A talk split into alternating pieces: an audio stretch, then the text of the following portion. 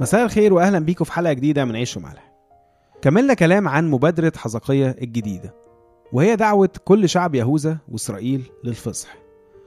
وشفنا إزاي إن حزقية قصد في دعوته إنه يربط ما بين أسر أو سبي إخواتهم في مدن الشمال على إيدين ملوك أشور وما بين بعدهم عن ربنا. وإنهم لو رجعوا لربنا بجد من تاني ربنا هيحميهم من الأسر ده. فمفيش داعي يعندوا أكتر من كده لا الأحسن هم يخضعوا لربنا ويعبدوه بجد. قبل بقى ما نشوف كان إيه رد فعل لشعب إسرائيل على الدعوة دي كان في جملة واحدة فاضلة في دعوة حزقية ما قلناهاش آخر مرة. فهنقرأ الدعوة كلها ونكمل الجملة اللي فاضلة.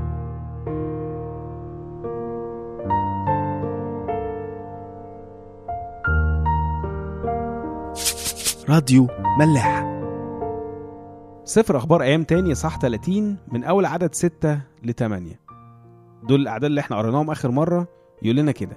فذهب السعاب الرسائل من يد الملك ورؤسائه في جميع إسرائيل ويهوذا وحسب وصية الملك كانوا يقولون يا بني إسرائيل ارجعوا إلى الرب إله إبراهيم وإسحاق وإسرائيل إسرائيل هو يعقوب. فيرجع إلى الناجين الباقين لكم من يد ملوك أشور. ولا تكونوا كآبائكم وكإخواتكم الذين خانوا الرب إله آبائهم فجعلهم دهشة كما أنتم ترون. الآن لا تصلبوا رقابكم كآبائكم بل اخضعوا للرب وادخلوا مقدسه الذي قدسه إلى الأبد. قصده على الهيكل يعني. واعبدوا الرب إلهكم فيرتد عنكم حمو غضبه. دي الحتة اللي إحنا كنا قريناها. وبعدين بقى الجملة اللي فاضلة. يقول كده لأنه برجوعكم إلى الرب يجد إخواتكم وبنوكم رحمة أمام الذين يسبونهم فيرجعون إلى هذه الأرض لأن الرب إلهكم حنان ورحيم ولا يحول وجهه عنكم إذا رجعتم إليه. حزقية مش بس بيربط ما بين بعدهم عن ربنا وما بين البهدلة اللي هم وصلوا لها لا ده كمان بيربط ما بين توبتهم ورجوعهم لربنا وبين رجوع إخواتهم ليهم من تاني. ودي طبعا إشارة واضحة على الشفاعة. إنه بتوبة الشعب وصلاتهم من أجل إخواتهم ده هيديهم نعمة عند اللي سابينهم فيسيبوهم يرجعوا لأرضهم من تاني. وده بقى بالتالي يلفت نظرنا لأهمية رجوعنا إحنا لربنا إنه مش بس ده بيأثر علينا إحنا شخصيا إنما على اللي حوالينا كمان.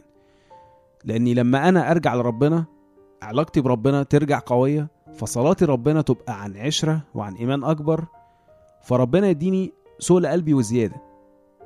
بس اللي علاقته بربنا ضعيفة بيبقى آه، شاكك فيه فمش بيطلب بإيمان وبالتالي مش بيستنى ربنا أصلا. لا هو هيسأل ربنا مرة اتنين هيلاقيه اتأخر أو مردش أو هيفتكر يعني هو مردش أو مش سامعه فعلى طول هيسيبه ويروح يدور على حد غيره. في رسالة يعقوب الإصحاح الأول بيتكلم يعني إنه اللي عايز حاجة من ربنا وساعتها هو كان بيتكلم عن الحكمة يعني بالذات يطلبها من ربنا وربنا أكيد هيديها له. وبعدين بقى يكمل الشرط المهم ده في أعداد 6 ل 8 ولكن ليطلب بإيمان غير مرتاب البت. مرتاب يعني شاكك. لأن المرتاب يشبه موجا من البحر تخبطه الريح وتدفعه. يبقى كده رايح جاي زي البحر. فلا يظن ذلك الإنسان أنه ينال شيئا من عند الرب. رجل ذو رأيين هو متقلقل في جميع طرقه. عشان كده القديسين أو كل الناس القريبة من ربنا صلاتهم مسموعة عنده. مش عشان ربنا بيسمع لهم هم وباقي الناس لأ أكيد لأ. إنما عشان اللي بيطلب حاجة من ربنا لازم يبقى مآمن إن ربنا هيقدر يعملها وهو بس اللي هيقدر يعملها. فبالتالي هينتظر الرب ومش هيزهق ويروح لغيره.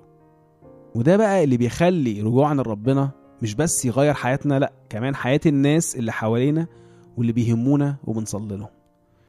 أول حاجة الشفاعة زي ما قلنا وتاني حاجة إن هما كمان لما يشوفونا مبسوطين وحياتنا مع ربنا مديانا آه، سلام حقيقي وقوة وشبع هما ساعتها كمان هيرجعوا يأمنوا وحياتهم هما كمان تتغير مع ربنا فيرفع عنهم كل أسر أو سبي جه بسبب خطيتهم وبعدهم عنه.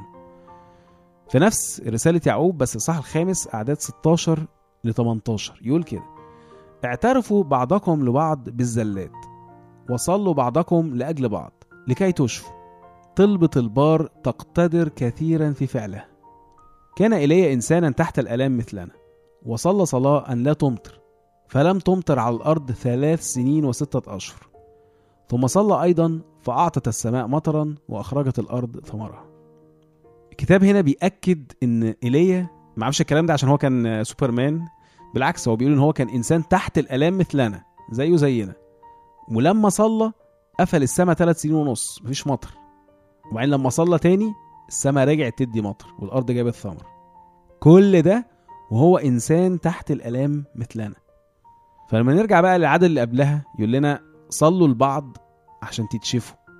وعشان نشفي حد أو نشد حد ناحية ربنا لازم إحنا نفسنا نكون مع ربنا. عارفين ربنا معشرين ربنا. ومؤمنين بيه إيمان حقيقي. عشان كده طلبة البار تقتدر كثيرا في فعلها عشان طلبة مبنية على إيمان وعشرة بجد. مش أي كلام فض مجالس أو راحة ضمير زي ما بنقول مثلا لأي حد ربنا يسهل لك فربنا هيسهله. لأ مش هيسهله. هيسهله إزاي؟ هو يسهله بجد لما أنا أرجع لربنا بجد فأشده لربنا معايا.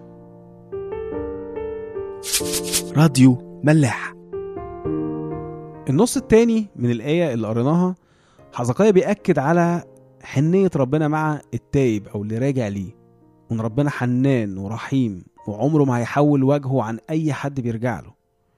عشان إيه بقى يقفل كل باب أو فكرة إن خطيتنا أكبر من إن ربنا يغفرها؟ آه، ولو غفرها يعني ممكن يغفرها آه بس مش هينساها فهيفتكرها لنا تاني. لا هو قفل الأبواب دي كلها. يمكن يعني اتكلمنا آخر مرة وأكيد معظمنا عارف أصلا آه، مثل الابن الضال في لغه 15 واستقبال الأب للابن ده بفرح وإزاي إن هو رجعه لمرتبته الأولى. فيمكن الابن ده اتميز عن أخوه اللي هو كان قاعد مع أبوه طول الوقت إن هو اختبر معنى الرحمة والغفران والنعمة كمان اللي هي رفعته بالشكل ده في حين إنه كان عارف إنه ما يستحقش حتى يكون خدام عند أبوه.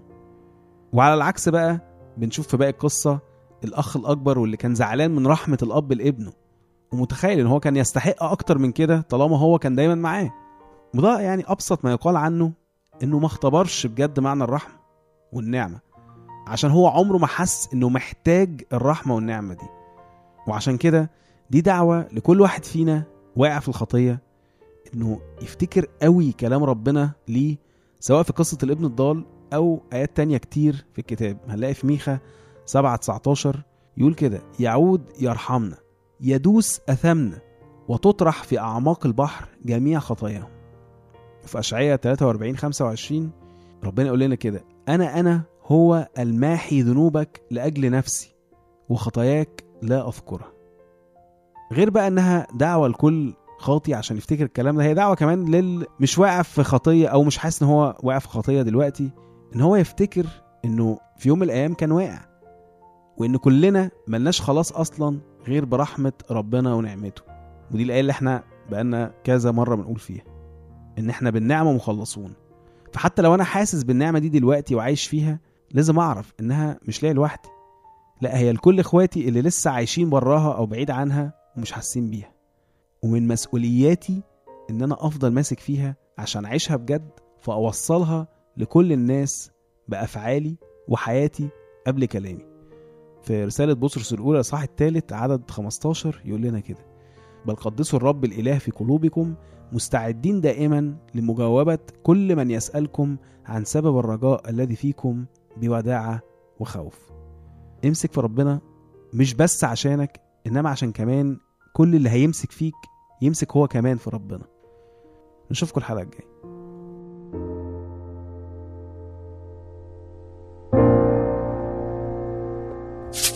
راديو ملاح.